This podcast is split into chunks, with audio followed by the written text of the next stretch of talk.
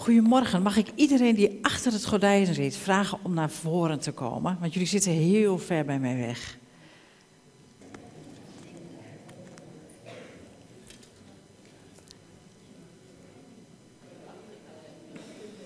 In beweging komen is nooit zo, nooit zo makkelijk, hè?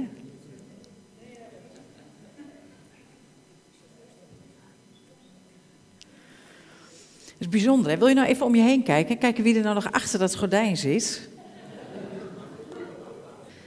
Zoveel, impact heb je dan hè, als mens. Ik vind het fijn om hier weer te zijn. Ik voel toch altijd een beetje als thuis. Dat weten jullie van me als ik, uh, als ik hier mag spreken. En uh, ik vind het ook gewoon fijn om uh, de boodschap te mogen spreken die, die eigenlijk in de tijd zich zo ontwikkeld heeft. toen ik hoorde van jullie predikant dat we met het thema volgen bezig waren. En dat we in deze maand bezig waren met dat we eigenlijk niet meer nog aan de melk toe moesten zijn, maar eigenlijk al leraren moesten zijn. En toe mochten zijn aan, aan het stevige brood, dacht ik van dat is best wel een lastig onderwerp. Want hoe ga je tegen mensen zeggen, dat is hetzelfde als vragen, wil je van achter het gordijn wegkomen? Dat is best lastig. Hoe ga je tegen mensen zeggen van ja, misschien na leeftijd, geestelijke leeftijd dan, hadden we al leraren moeten zijn met z'n allen, zonder dat het als verwijt klinkt of zonder dat dat mensen op een vervelende manier in beweging zet. Dus ik heb daar wel mee geworsteld uh, de afgelopen week. En ik vond het ook wel leuk om deze exercitie even aan beweging vooraf te doen, om uh, voor onszelf ons ook bewust te worden. Het is nog niet zo makkelijk om in beweging te komen, vooral niet als we er geen zin in hebben. Goed. En dat mag, hè, overigens. Want we hebben een groot God een genadig God. En die, eh, die kent ons, die doorgrondt ons, die kent ons van binnen en van buiten. Uh, en die is met ons op weg, allemaal op ons eigen tempo, in ons eigen ritme. En dat vind ik ook zo mooi met de Heere God, dat Hij genadig is. Ik zou uh, een stuk met jullie willen lezen uit Filippenzen. Als je een Bijbel bij je hebt, uh, lees alsjeblieft mee. Filippenzen wordt de vreugdebrief genoemd. Het gaat over Paulus die veel vreugde heeft en die heel dankbaar is. En daar wil ik een gedeelte met jullie uitlezen. En dan begin ik bij hoofdstuk 2 vanaf vers 1.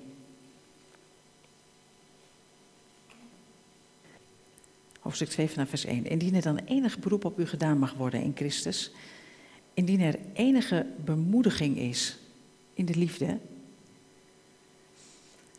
indien er enige gemeenschap is van de geest, en indien er enige ontferming en barmhartigheid is, maak dan mijn blijdschap volkomen zegt Paulus, maak dan mijn blijdschap voorkomen door eensgezind te zijn. één in liefde betoon, één van ziel en één in streven. Zonder zelfzucht, zonder ijdel eerbejag. Maar in ootmoedigheid, is een soort van nederigheid, hè? achter iedereen de ander uitnemender dan zichzelf. En ieder lette niet slechts op zijn eigen belang, maar op het belang van de ander. Laat die gezindheid bij u zijn, die ook in Christus is. Want de Heer Jezus, wat heeft hij gedaan?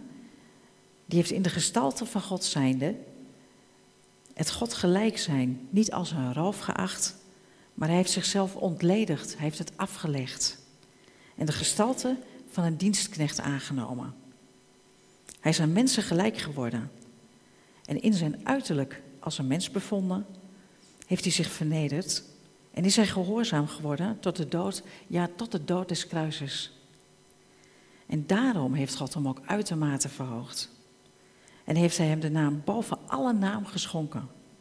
Opdat in de naam van Jezus zich elke knie zou buigen. Van hen die in de hemel is, die op de aarde is en die onder de aarde zijn. En alle tong zou beleiden, Jezus Christus is de Heer, tot eer van God de Vader. Ik wil u graag voorgaan in gebed. Heer God, dank u wel dat we hier mogen staan. Dat we uw woord mogen openen. Dat we dat samen mogen doen. En Heer, ik ben het niet die uh, door het zo nodig moet spreken. Maar we willen u van harte uitnodigen met uw geest. Om hier te zijn. Om ons te empoweren. Om ons terug in uw kracht te zetten. En om uw woord binnen te laten komen. Allemaal bij onszelf.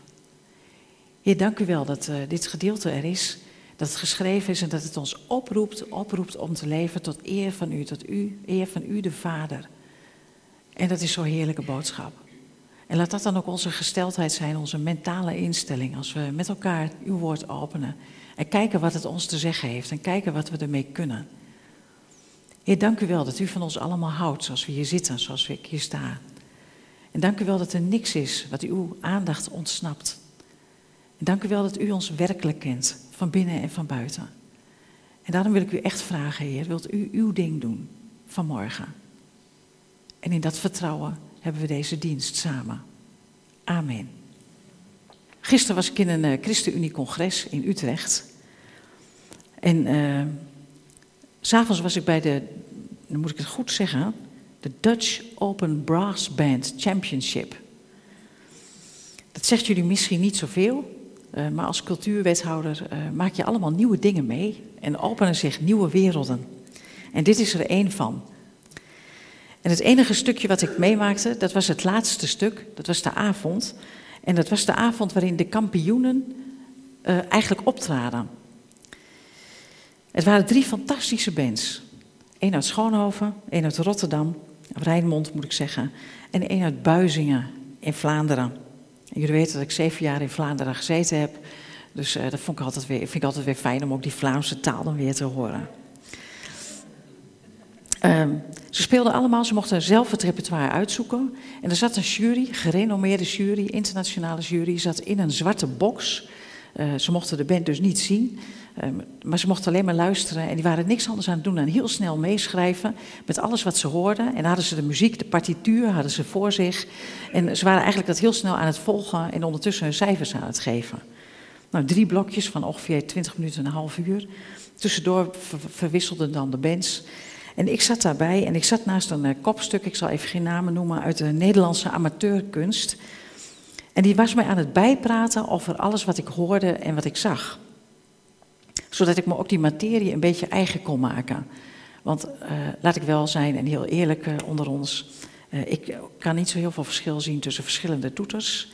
Um, maar ik mag niet eens toeter zeggen, ik word hier gelijk gecorrigeerd, dankjewel. ik zie dus het verschil wel tussen de instrumenten, maar ik weet niet altijd de naam. Laat staan dat ik weet wat precies het effect is van wat dan ook. Dus ik zat daar en ik zat daar een beetje, mag ik het zo zeggen, out of my comfort zone.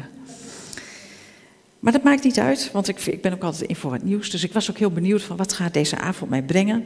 En ondertussen ging het uh, congres van de ChristenUnie nog in mij om. En het feit dat ik hier vanmorgen mocht voorgaan. Uh, die meneer, dat kopstuk, die was ook de linking pin tussen mij en de juryleden. Want de juryleden bleken wereldberoemd te zijn. Ik kende ze niet. Um, Philip Harper, uh, dirigent, componist, muziekdocent, muzikaal director van 's werelds beste brassband. Allemaal nieuw voor mij. Uh, en uh, Arven Owen, solist, hoornspeler bij drie grote bands en ook onder andere bij de grootste band in Noorwegen, waar hij ook woont solo spelen voor Yamaha. Allemaal volledig nieuw voor mij. En hoewel ik nog wat foto's heb gemaakt waarvan ik dacht, misschien kan ik die hier wel laten zien, maar pakken die foto's toch niet wat mij opviel in die avond. En daarom heb ik deze preek heb ik ook genoemd uh, amateurs en kampioen. Want waar ze iedere keer de nadruk op legden was dat dit amateurs waren. Dit, waren niet, uh, dit is niet officiële kunst met de grote K, maar dit, is, dit zijn de amateurs. En ik vroeg van nou, hoeveel tijd zijn die amateurs daar dan mee bezig? En ik hoorde dat een van die amateurs op die vraag had geantwoord, nou dat hangt af van of het een schrikkeljaar is. Of dat dan 364 of 365 dagen zijn. Maar op tweede kerstdag heb ik mijn vrouw beloofd dat ik niet oefen. En hoe lang oefen je dan? Nou ja, tussen de 2 en 8 uur. Waarop ik dan denk, wanneer werk jij dan? En hij zei van, ik breng morgens de post rond. Een amateur. Maar ik hoor een amateur die kampioen is. Ik hoor topsport. En dat heb ik gisteren ook gehoord. Ik heb het gezien. Het zag er zo simpel uit. Maar ik moet er niet aan denken. Ik zou het met mijn gitaar niet kunnen evenaren. En dat raakte mij enorm. Ik denk, dit is eigenlijk, dit is nou eigenlijk wat de hele week al door me heen gaat. Van hoe, hoe zijn wij nou als christenen bezig in deze maatschappij? En als we dan eigenlijk qua geestelijke leeftijd al leraren zouden moeten zijn, wat is dan het geluid wat wij laten horen? En wat zien we dan? Nou, wat zie je op zo'n avond? Even voor de, voor de mensen die dat ook niet kennen, net als ik. Uh, je ziet een dirigent, drie heel verschillende. De ene echt zo en de ander Gebe gebeurde van alles. En de ene die stond soms zo van, nou, en dan wow, kwam opeens een heleboel geluid. Onvoorstelbaar om te zien hoe die dirigenten volledig een helemaal eigen stijl hadden, maar het beste uit die club wisten te halen, uit die muziek wisten te halen. En ik merkte, ik ben een leek, maar ik heb wel enig muzikaal gevoel. Ik merkte dat ieder muziekinstrument nodig was. En dat merkte ik op het moment dat iemand even moest niezen, even de aandacht weg en dan miste je een stukje muziek. Dat hoorde erbij, die toon moest erin. En wat me ook opviel was dat mensen multi-inzetbaar waren. Achteraan stond een klokkenspel, daar waren mensen bezig, maar die moesten dan ook even zo nu dan even stoppen. En dan moesten ze naar een enorme gong, gaven ze daar een tik op, gingen ze even terug en dan stonden ze op een, hoe heet dat? Een soort grote xylofoon, mega. Multi-inzetbaar. En ondertussen vertelde die meneer mij van ja, nou ja, je ziet die en die, je kent die natuurlijk wel, dat is die en die. Uh, en die is niet alleen maar solist hier, maar het is ook degene die dit gecomponeerd heeft. En uh, is overigens ook dirigent, maar dan weer in een ander koor. En, bla, bla, bla, bla, Of een andere band. Ik was heel eerlijk gezegd, ik was heel diep onder de indruk van wat ik zag. De meeste mensen die mij kennen zouden waarschijnlijk brassband niet gelijk combineren met mij. Maar ik was diep onder de indruk. Want de hele dag zat het onderwerp maar steeds in mijn hoofd. En hier gebeurde een heleboel waarvan ik dacht, dit kan ik naadloos ik heb de Heer daar ook voor gedankt, naadloos meenemen op zondagochtend. Want wat is nou eigenlijk een leraar? Wat vinden jullie een goede leraar? Je hebt vast wel een leraar gehad in je leven waarvan je dacht, nou, dat was nou een goede leraar. Wat was daar dan het kenmerk van? Roep eens. Betrokken? Kennis? Passie? Wat is dat, passie? Oké, enthousiasme, vol van, van wat hij vertelt, ja? Toewijding, wat is dat? Eh, iedereen vindt zichzelf toch wel toegewijd hier, of niet? Wat, wat is toewijding? Wat is dat? Dat je, dat je alles ervoor wil geven. Oké. Nog een keer? Geduldig. Ja. Vreselijk geduldig. Nog een keer? Stimulerend. Ja. Dat je zegt wat je doet en doet wat je zegt. Dat het niet los van jouw leven staat, hè, wat je aan het doen bent. Dat het klopt. Ja, heel mooi, dankjewel. Ik heb ook even zitten, nog, ik hou van woordstudietjes, hè, dus ik heb nog even zitten kijken van, is het woord wat hier nou wordt gebruikt voor leraar, is dat dan hetzelfde als voor rabbi? Maar dat is niet zo, dus dat is nou weer jammer. Want ik vond het mooi dat de Heer Jezus zich rabbi liet noemen, en dat was leraar, maar tegelijkertijd ook meester. En dat is toch wat anders dan de leraar zijn. Wat wij doen als christenen is, we richten daar speciale scholen voor op. Hè? We hebben speciale leiderschapsscholen. En daar kun je dan leren om leraar te worden of leider te worden. Daar hebben we ook trainingen voor, speciale trainingen. Hè? Dat kun je dan eh, worden. Maar ik heb ook eens met iemand gesproken die zei van... joh, maar als ik nou gewoon die gaven niet heb van het leraar zijn... waarom moet ik dan zo nodig leraar zijn? Als ik nou gewoon lekker stilletjes mijn eigen dingetje wil doen. Ik ben meer van dienen. Ik ben gewoon niet zo'n leraar die daar... Uh, Oké. Allemaal van die gedachten die ik had in de, voor, in de vooraanloopje naar deze preek toe. Als ik naar mezelf kijk, ik ga toch even wat voorbeelden geven, want het is altijd veiliger als je ze van jezelf geeft dan van een ander. Uh, als ik naar mezelf kijk, toen de Heer echt ingreep in mijn leven, ik was toen een jaar of 18, ik wilde hem echt volgen, maar ik kwam toch wel uit een, een beetje een gebroken situatie op dat moment. Toen was ik ervan overtuigd, ik moet naar operatie mobilisatie en ik moet in een creatief team. Daar moet ik in. Want dan ben je een beetje op de bühne, dat is leuk. Hè? Krijg je een beetje aandacht. Kan ik een beetje mijn verhaal doen, want ik heb toch wel een fantastisch verhaal, vond ik zelf. Hè? Want de Heer had echt ingegrepen in mijn leven. Dus nou, wat wil je nog meer? Super. En ik vond eigenlijk ook wel dat ik talent had. Ik dacht, ik kan best wel goed zingen, ik speel redelijk gitaar. Nou, hè, wat houdt mij tegen? Dus ik kwam heel enthousiast uh, bij die landleader. Ik zal opnieuw geen namen noemen. En het was een Vlaming en ik vertelde hem dat ik dus uh, nou, bekeerd was. En niet meer punk, dat leek alleen nog maar een beetje zo. Maar, en dat ik echt, nou, dat ik wel helemaal geschikt was om in het creatief team mijn ding te gaan doen. En dat ik het ook wel leuk zou vinden om onderwijs te, onderwijs te geven, want ik had tenslotte de Pedagogische Academie gedaan, niet waar. Waarop hij zei, Alain Maria, ik zal maar eens starten met de toiletten schoonmaken ze. En ik heb twee weken lang niks anders gedaan dan toiletten schoonmaken. En daarna gangen geboend. En daarna de kerk schoongemaakt.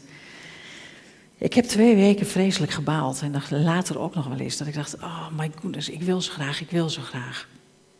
Maar ik heb moeten leren dat ik eerst gewoon moest leren dienen. Gewoon eerst dienen. Doe maar gewoon, dan doe je gek genoeg, zeggen wij in Nederland. Nou, wees maar eerst een dienaar, dan mag je daarna mooie dingen doen. Dat is eigenlijk ook wat in de Bijbel staat.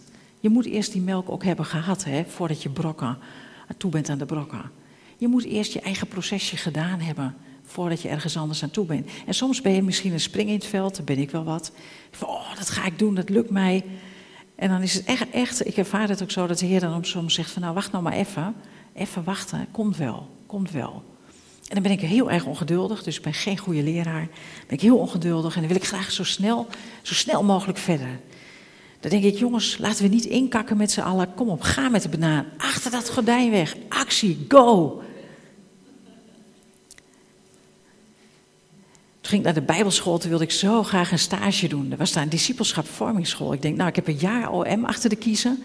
Nou, heer, ik vind wel dat u me aardig gevormd hebt. Vond ik al wel. Nou, dus ik meld mij aan bij die vormingsschool. Ik zeg, nou, ik wil heel graag stagiaire worden. Ik kan werken met jongeren. Drama, dans, toneel. Ik heb een leuke achtergrond, goede opleiding gedaan. Dus ik wil wel graag eh, een stage, een stageschip, eh, hoe heet het, een stage, stagiaire worden hier. Voor een jaar. En daarna kijk ik dan wel verder. Ik heb het niet zo arrogant gezegd, denk ik, maar ik was wel heel enthousiast. Het had geen, geen moment door mijn hoofd gegaan dat ze misschien zou, zou zeggen: nee, ik hoef jou niet.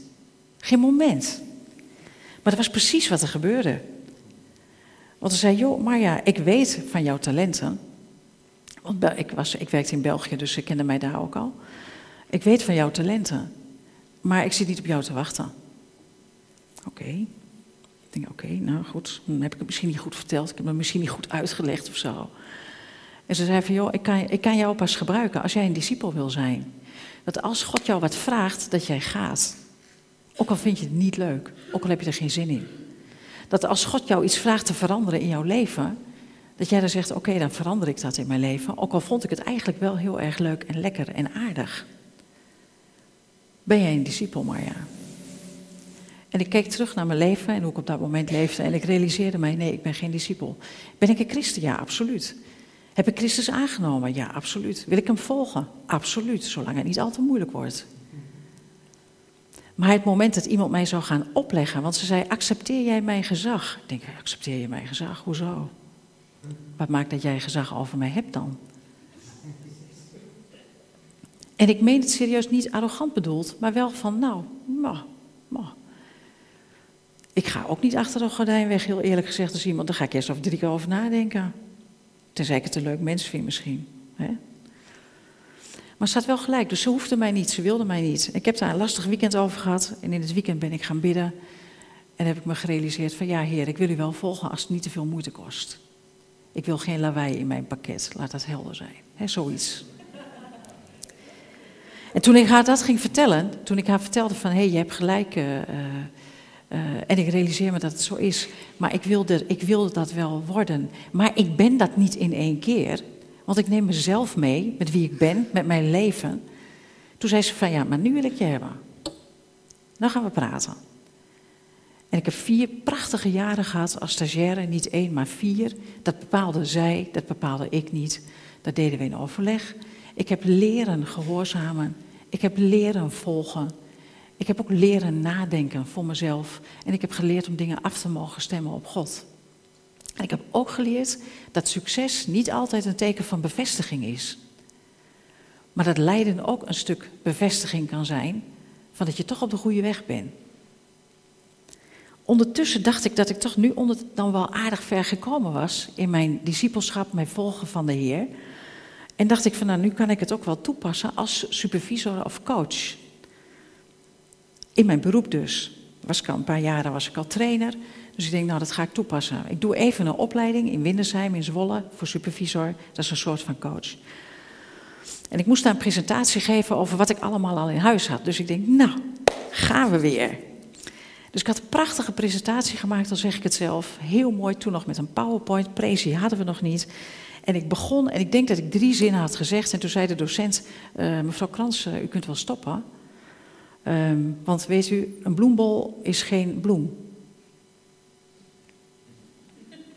En ik zeg, hè?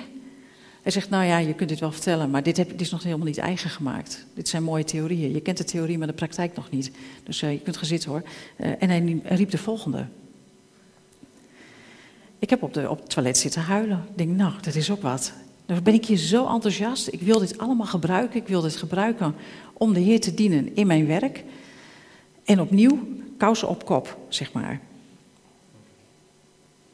Het waren allemaal momenten, had hij gelijk trouwens, hij had gelijk hoor. Ik kende de theorie perfect.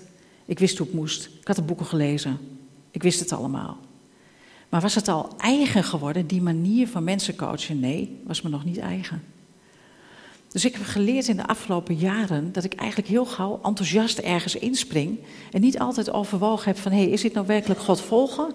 Is dit nou wat de Heere God wil? Is het waar ik zin in heb? Enzovoort. En ik heb ook geleerd dat God mans genoeg is om mij terug te breien. En even te zeggen, oh krans, pas op de plaats. Dus het is niet zo dat ik ga zitten wachten van, nou heer, kom maar met iets. Misschien ga ik dan wat doen. Nee, de persoon die ik ben, ik sla wel, ik ga er actie in en de Heer pakt dat wel op en die gaat het leiden. Net zo goed als hij dat bij jou ook graag wil doen. Ik ga dus niet zitten wachten, maar ik wil wel mijn hele leven tot Gods eer, wat we net lazen, inzetten. En zoals wij hier zitten, hebben wij, tenminste daar ga ik vanuit, besloten dat wij christenen zijn, discipelen zijn. En jullie zitten ook ergens met mij op die lijn naar dat God gelijkvormig worden, naar het werkelijk leven tot zijn eer. En dat is een enorme uitdaging. Want hoe pakken we dat nou aan? Want zijn jullie, als je nou naar jezelf kijkt, naar je eigen eh, leven, ben je dan een leraar? Vind je jezelf dan een leraar? Mag ik even de handen zien wie zichzelf al een leraar vindt? Twee, drie, vier, vijf, zes. Oké, nou, ik denk dat het nog geen 10% is. Dat mag. Um, uh, maar het is wel goed om er even bij stil te staan. Want wie is langer christen dan tien jaar hier? Oké, dat is best wel veel. En wie is er langer christen dan 15 jaar? En wie is er langer christen dan 20 jaar? Oké. Wie is er vijf jaar christen? Of langer? Ja? Ja. En wie is wie, wie is er nog geen christen? Nou, geen vingers. Nog. Tenminste, ik zie geen. Oké, dus om, om even voor onszelf te weten van hey, waar, waar staan wij nou? Hè? Waar staan wij nou in de tijd van ons christen zijn? Nou, ga ik even naar terug naar die leraren. Wat voor soort leraren heb je? Je hebt mensen die heb je ook in de kerk zitten en die weten alles beter, hè? Die hebben overal een antwoord op. Die kennen de Bijbel, die kennen de schrift, die kennen ze ook uit hun hoofd voor een groot deel. Iets om jaloers op te zijn. En soms hebben ze ook overal antwoorden op en oordelen over. Dat zijn de mensen waar je toch liever niet al te veel en te dichtbij in de buurt bent, want ze weten het zo verrekte goed, dat jij wel weet dat zij het altijd beter weten dan jij. En dan voel je niet altijd de genade, maar het zijn wel de mensen die echt goed lesgeven. Ze kunnen het heel goed vertellen. Nou ja, valt bij mij onder de categorie christelijke bedweters of evangelische bedweters. Je hebt ook mensen die houden zich stil die, die, die, uh, nou ja, die steken hun kop liever niet boven het maaiveld uit, ook niet in de kerk. Maar ja, wie ben jij nou eigenlijk? Wie ben jij nou eigenlijk om wat te kunnen zeggen, om wat te mogen zeggen? Wie ben jij nou om tegen een ander te kunnen zeggen, joh, wat je nou doet in je leven, moi. Of wat je nu doet in je leven, geweldig. Of ik zie Gods hand in jou. Ik zie dat God met jouw vorming bezig is. Klinkt ook alweer heel anders dan, er gaat nu een heleboel mis. Maar, hè?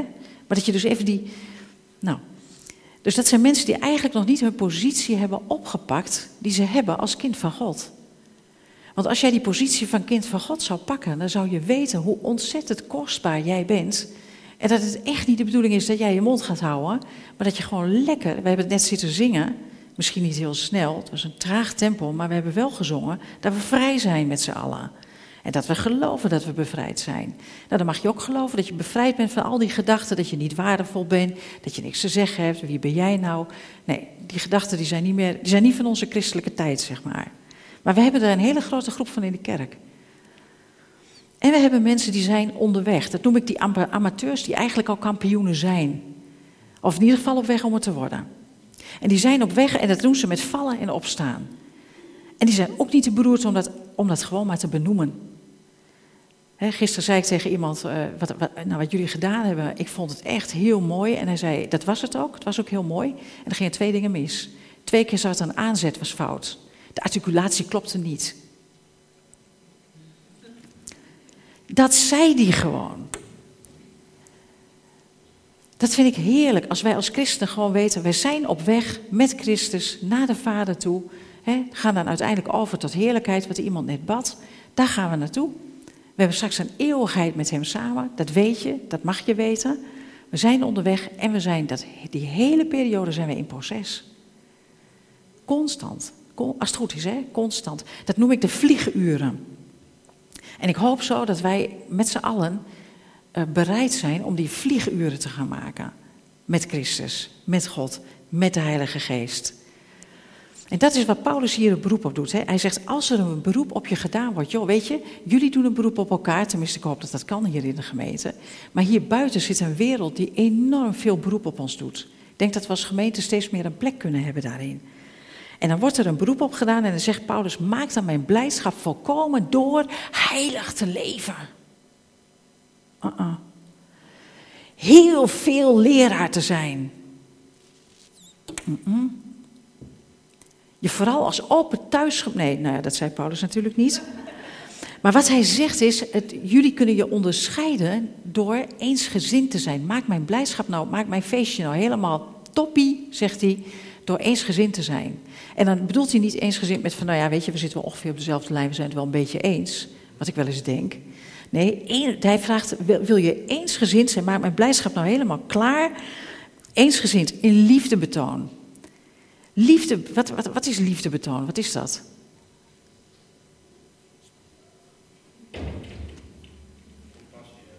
Compassie hebben. En wat is dat?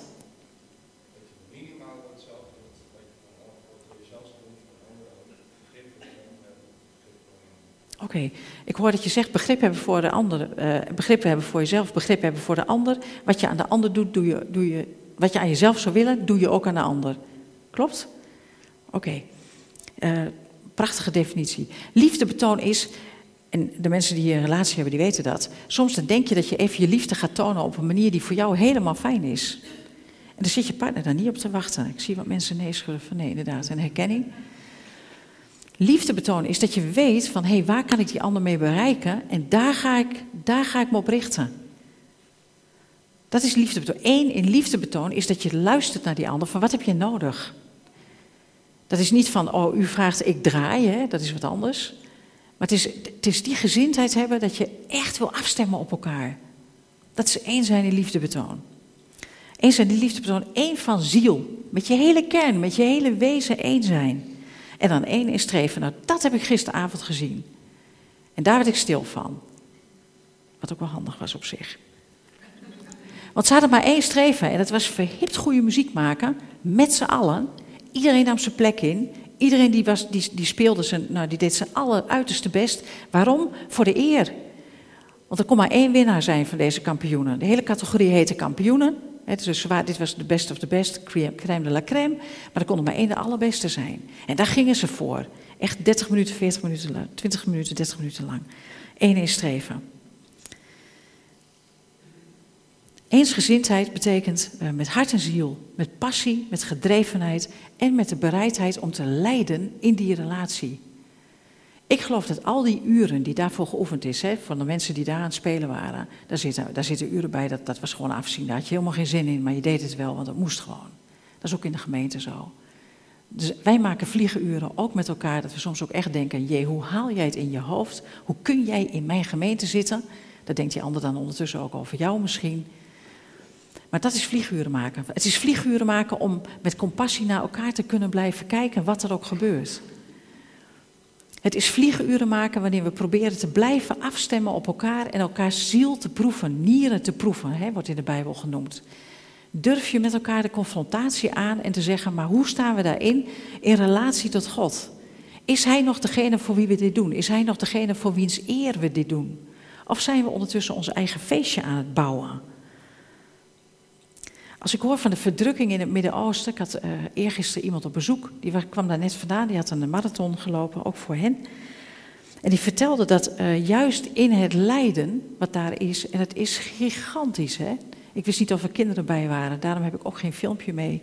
Maar het is te erg voor woorden wat daar gebeurt nu met onze broeders en zusters. Maar in die strijd hebben wel de Rooms-Katholieke Kerk, de Evangelische Kerk en de Koptische christenen elkaar gevonden. En voor het eerst hebben ze elkaar, de leiders, eh, zijn ze elkaar in de armen gevallen en hebben ze gezamenlijk in een uh, grot de Heer geloofd, met duizenden mensen samen tegelijk. Verschrikkelijk indrukwekkend. Dat is eensgezind uh, zijn. Dan heb je wel verder niks meer, maar dan heb je dat nog wel.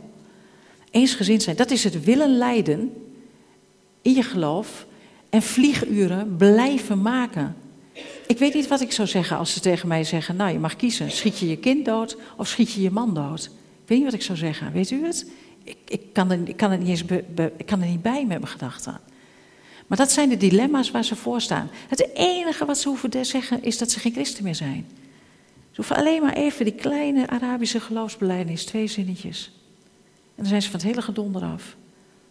En ze doen het niet. Vlieguren maken, echt vlieguren maken.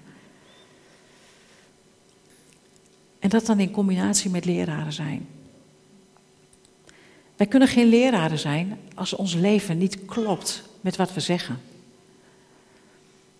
Pas als ons leven klopt met wat wij willen verkondigen, dan kunnen we leraren zijn. En dan worden we misschien steeds leraar van een klein stukje. En iedere keer groeit dat weer als het goed is. Dus als jij bij jezelf herkent dat je het nog steeds hebt over je bekering, en dat er daarna verder niks gebeurd is tussen God en jou, dan kun je je afvragen of je nog vlieguren aan het maken bent met God. Of dat je al in de waan van de dag, en daar zitten we allemaal in, denk ik, allemaal op eigen wijze, gewoon al lang weer het touwtje zelf in handen genomen hebt en je eigen leven aan het leven bent. Want weet je, we maken allemaal een geluid, hè, zoals we hier zitten. Net zoals die band gisteren. Iedereen die hier zit is een geluid. En wat zou jouw omgeving nou zeggen als ik daar nou even langs zou mogen met een microfoon en zou zeggen, nou weet je, die harmonie, hè, wat, wat, wat straalt hij nou uit? Die krans, wat straalt hij nou uit? Die neuring, wat straalt hij nou uit? Gewoon aan je omgeving. Want dat is eigenlijk wat de mensen van ons zien. Dat is het stukje leraar zijn of discipel zijn wat we tonen. Nou, in alle eerlijkheid, ik denk dat ik me alleen maar meer bewust word van hoezeer ik God daarin nodig heb, omdat ik dat niet alleen kan. Want ik word soms helemaal overweldigd door wat er op me afkomt. En dan heb ik het niet alleen over politiek, maar het kunnen ook hele andere dingen zijn. Persoonlijke dingen die je zou kunnen raken. En dan ben je niet altijd dat prachtige getuigenis. En dan ben je niet altijd die champ. Dan voel ik me de amateur. Die wel vlieguren wil maken. Ik wil wel oefenen. Blijven oefenen. Als Paulus dit zegt tegen zijn gemeente en ze eigenlijk oproept van joh, wees nou gewoon eensgezind, maak mijn blijdschap volkomen, volg. Dan geeft hij ook de enige weg daar naartoe en dat is de weg van de Heer Jezus. En hij zegt eigenlijk de Heer Jezus had het goed. Die zat daar lekker met, de drie eenheid, ze had het gezellig, ze had het fantastisch. Hij was God, hij was almachtig, wat wilde hij nog meer? En hij heeft het allemaal, hij heeft het afgelegd, bewust gekozen om het af te leggen. Wij zouden zeggen, ja, is toch jammer, is niet bevestigd, hè? was geen successtory. Nee, want hij stierf van het kruis, was ook jammer. Maar hij wist dat hij dat ging doen. Hij wist dat hij die weg zou gaan. En in die gehoorzaamheid vernederde hij zichzelf en ging lijden. Als ik nou even terugdenk, hè, met, enige, met schaamrot op de kaak hoor, naar hoe ik gisteren die uh, ene dirigent, die wereldberoemde dirigent, meneer Harper, tegemoet zat. Ja, hij zat te eten. Ik kwam binnen, net vanaf de ChristenUnie. Ik gaf handen. Ik zei, oh, bent u diegene met die die hoorn blaast? Nee, zei hij, dat was hij niet. Hij bleef heel rustig. En uh, naast mij zei iemand, joh, dat is die dirigent, dat is meneer Harper. Ik dacht, oh, dat is meneer Harper, maar ik ken meneer Harper eigenlijk niet. Um, maar hij bleef heel rustig. En hoewel hij een, een echte Engelsman was met een stif upper lip, geen verwijt. En hij legde me uit dat hij wel wat deed in de muziek dat hij daar wel actief was. En weet je, wat ik nou zo mooi vind, dat, dat raakte mij zo. Want hij had ook kunnen zeggen, oh, nou, u kent mij niet. nou, dat zegt er wel wat over uw wethouderschap. Of dat zegt dan wel iets over... Hij had dat zo makkelijk kunnen doen. Zoals wij soms ook als christenen het naar elkaar doen. Van, joh, maar weet je dat nou nog niet? Je bent al zo lang christen. Hoe kun je dit nou doen? Jongen, jongen, jongen, jongen. En dan is alle compassie opeens weg. Dan zijn we ook geen leraren meer, dan zijn we rechter geworden. En zijn we even uit positie. En het kan. Nou, de Heer Jezus laat het allemaal gaan. Die zegt ook, laat het oordeel aan de Vader. Ik word mensen gelijk. Ik kom bij je, kom naast je staan. Ik wil je helpen. Mag ik naast je staan? En ik wil met jou die vliegenuren gaan maken. En vliegenuren, ook, ik weet niet of ik dat uit heb gelegd, maar voordat je mag vliegen, echt mag vliegen, moet je vliegenuren gemaakt hebben hè, met iemand die ernaast zit, je trainer. En uh, heb ik begrepen van een, van een kennis van mij. En je moet heel veel vlieguren gemaakt hebben voordat ze jou alleen vrijlaten in jouw vliegtuig in de lucht. Vandaar vlieguren. Christus heeft alles opzij gezet. Alles waar hij zeker van was. Alles wat hem veiligheid verschafte. En heeft het ingezet. Ingezet in de maatschappij van toen. Nou, en dan staan wij hier. We zitten hier. Uh, en je weet van jezelf wel of je een leraar bent of niet. En je weet van jezelf wel of je je inzet of niet. En je weet van jezelf ook of je eigenlijk al misschien door allerlei omstandigheden in je leven gewoon een beetje krachteloos geworden bent. Heb ik soms ook. Of dat je weet van hé, hey, ik zit niet alleen maar, ben niet alleen maar bezig met het instituut kerk. Hè, Abraham Kuyper zei dat al. Hè, het maakt het verschil tussen, je hebt een kerk als instituut, dat is dit gebouw, dat is waar we zitten, dat is open thuis, dat is je imago naar buiten. Maar je hebt ook het organisme kerk. En dat zijn wij die een zoutend zout mogen zijn, een lichtend licht in Smallingenland. En dat laat Christus ons zien. Die doet dat voor, die leeft dat voor. En dat is niet een verhaal van arrogant en met je, uh, overal met je neus vooraan staan. Het is wel een verhaal van weten wie je bent, want dat wist de Heer Jezus. Doen wat hij moest doen en daar heel duidelijk voor staan. Precies wat jij net zei. Hij deed wat hij zei en hij zei wat hij deed. En dat ligt bij ons voor, mensen. Als wij leraren willen zijn, als wij deze maatschappij willen beïnvloeden, als we deze kerk willen bouwen, als we deze gemeente willen bouwen, willen we dan dat organisme kerk zijn, gemeente zijn? En willen we dan effectief durven zijn vanuit dienstbaarheid?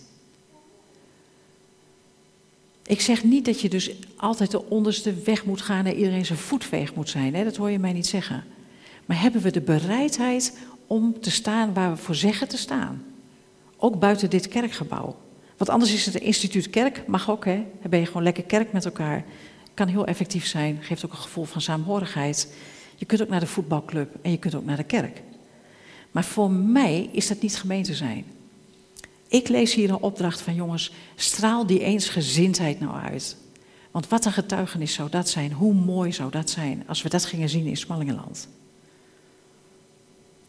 Jongens en meiden, dames en heren, die honderden uren oefenen in hun amateurband. Voor die paar optredens per jaar waarin ze de allerbeste willen zijn. Die van het vijfde naar het vierde, naar het derde, naar het tweede, naar het eerste niveau gaan en dan kampioenen worden. Maar mensen, dat gaan wij ook, hè? Je wordt christen. Eerst moet je zover komen dat je je leven aan de Heer wil geven. Dan moet je zover komen dat je zegt, nou, u bent mijn redder. Ik kan het niet zelf. Dan ga je bezig met je gaven en talenten. Ga je ontdekken, wat kan ik allemaal? Wat heb ik in huis en wat heb ik niet in huis? Dan ga je bezig om ze in te zetten. En dat werkt dan wel of minder goed. Dan ga je een stukje geestelijke strijd meemaken. Dat het opeens allemaal niet meer zo lekker gaat en niet meer zo vlekkeloos loopt. En dat mensen je gaan bevragen van, joh, klopt dat wel in jouw leven? En dan moet je nog een volgende stap. En dat is die stap die de Heer Jezus gedaan heeft van de zekerheden en de veiligheden los te verlaten. Omdat je gaat koersen alleen op Christus. En brengt dat lol? Nou, soms. Soms, niet altijd. Brengt het lijden? Ja, brengt lijden. Want dit is lijden, dit is het lijden van de Heer. En dat wordt ons voorgelegd van, joh, geen eensgezindheid in deze gemeente zonder lijden. Geen eensgezindheid van de christelijke gemeenten hier in Smallingenland zonder lijden. Het hoort erbij. En wat doen wij als het lijden wordt? We gaan weg. We denken, joh, geef mijn portie maar aan Vicky. Veel te moeilijk allemaal. Lastig. Gedoe. Gedoe houden we niet van. Het feit dat je hier zit betekent dat je hier nog bent, hè? Heerlijk. Dat betekent dat je kiest voor gedoe. Dat betekent, ja, dat betekent dat je kiest voor vlieguren maken. Dat betekent dat je de amateur bent die uren aan het maken is. Dat betekent dat je naar elkaar kan kijken en zeggen: Joh, ben jij die perfecte christen? Nee, hè? Nou, ik ook niet. Heerlijk, heerlijk. Wat een genade. Wat een genade. Dat, ja, dat kan je niet zeggen tegen een ander. Wat een genade dat God van jou houdt. Maar je kunt het wel, ik kan het wel over mezelf zeggen. Wat een genade dat God van mij houdt. Dat hij me oké vindt in Christus. Durven we werkelijk, hè, we zeggen het, hè, we zeggen het, we weten het. En dan pak ik toch even die gisteravond. Uh, het was echt te mooi om waar te zijn. Dat de eerste band uh, die speelde. Het was virtuoos. En het klonk mij zo schel in de oren. Maar ja, wie ben ik? Ik ben een leek, dus ik weet, ik weet dan niet of het goed is. En toen kwam later de jury en die vertelde mij: het was fantastisch, technical. Technisch was het fantastisch. Maar het was geen muziek. Oké. Maar soms zijn wij ook zoals christenen. Hè? Dan zijn we technisch fantastisch. Maar het raakt niet. Het komt niet over. We kunnen er niet bij elkaar ziel. Nou, dat hebben we dan te leren. Dan winnen we nog niet gelijk de eerste prijs, maar we zijn al lang kampioenen, amateurs en we gaan nog meer uren maken om dat geluid van Christus tot eer van God te laten horen. Een gezamenlijk doel, eenheid, zoeken naar wat voor die ander belangrijk is.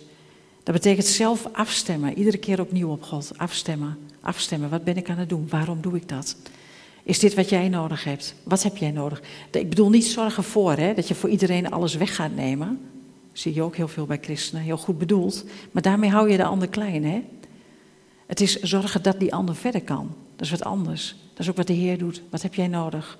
Beters hou je van mij, tot drie keer toe. Wat heb je nodig? Wat wil je?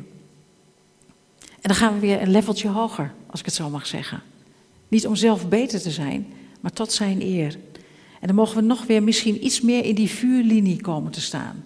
En mag je nog weer iets meer verantwoordelijkheid dragen. En het hoeft niet, hè?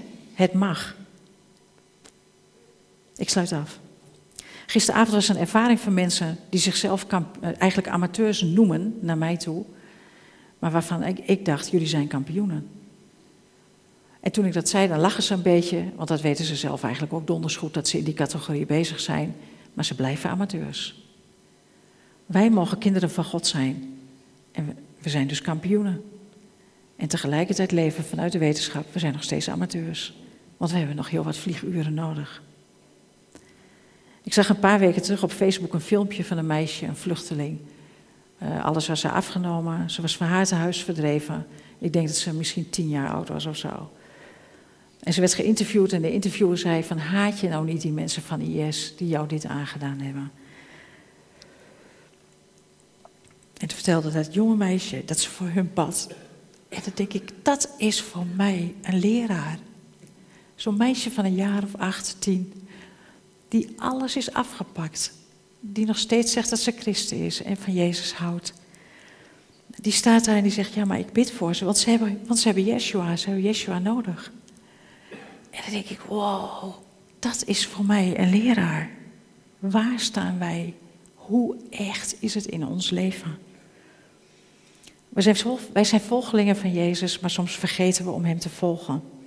En soms worden we wat afgeleid door allerlei dingen in ons leven. Maar ik hoop vandaag dat jij en ik, dat we gaan focussen, opnieuw gaan focussen. Niet op mensen, niet op wat mensen zeggen, ook niet op wat ik zeg. Maar focussen op, uh, vanuit die hele diepe overtuiging. Dat wij de vlieguren nodig hebben om die te maken. Om leraar te kunnen zijn. Om getuige te kunnen zijn om verbinding te kunnen maken en om een eenheid te kunnen bieden. En daar hoort wat bij. Zoals dat meisje dat vanuit zo'n hele ootmoedige houding vertelde, moeten wij ons misschien ook wel verootmoedigen. Voor de momenten dat we dachten dat we het zo zeker wisten. Voor de momenten dat we met onze grote klap los vooraan stonden. Voor de momenten dat we de mensen hebben betutteld in onze omgeving en hebben gezegd dat wij wel wisten hoe het zou moeten. En als ze nou maar zouden luisteren naar ons, dan zou het ook wel want als we vanuit die nederigheid met elkaar en met onze omgeving in gesprek gaan, dan geloof ik dat God grote dingen kan doen. Net zoals hij dat door de Heer Jezus zelf ook heeft gedaan. Door de nederigheid van Jezus, door het opgeven, werd hij verhoogd. Een uitdaging tot nederigheid. Weten dat je een champ bent en een amateur blijft. Amen.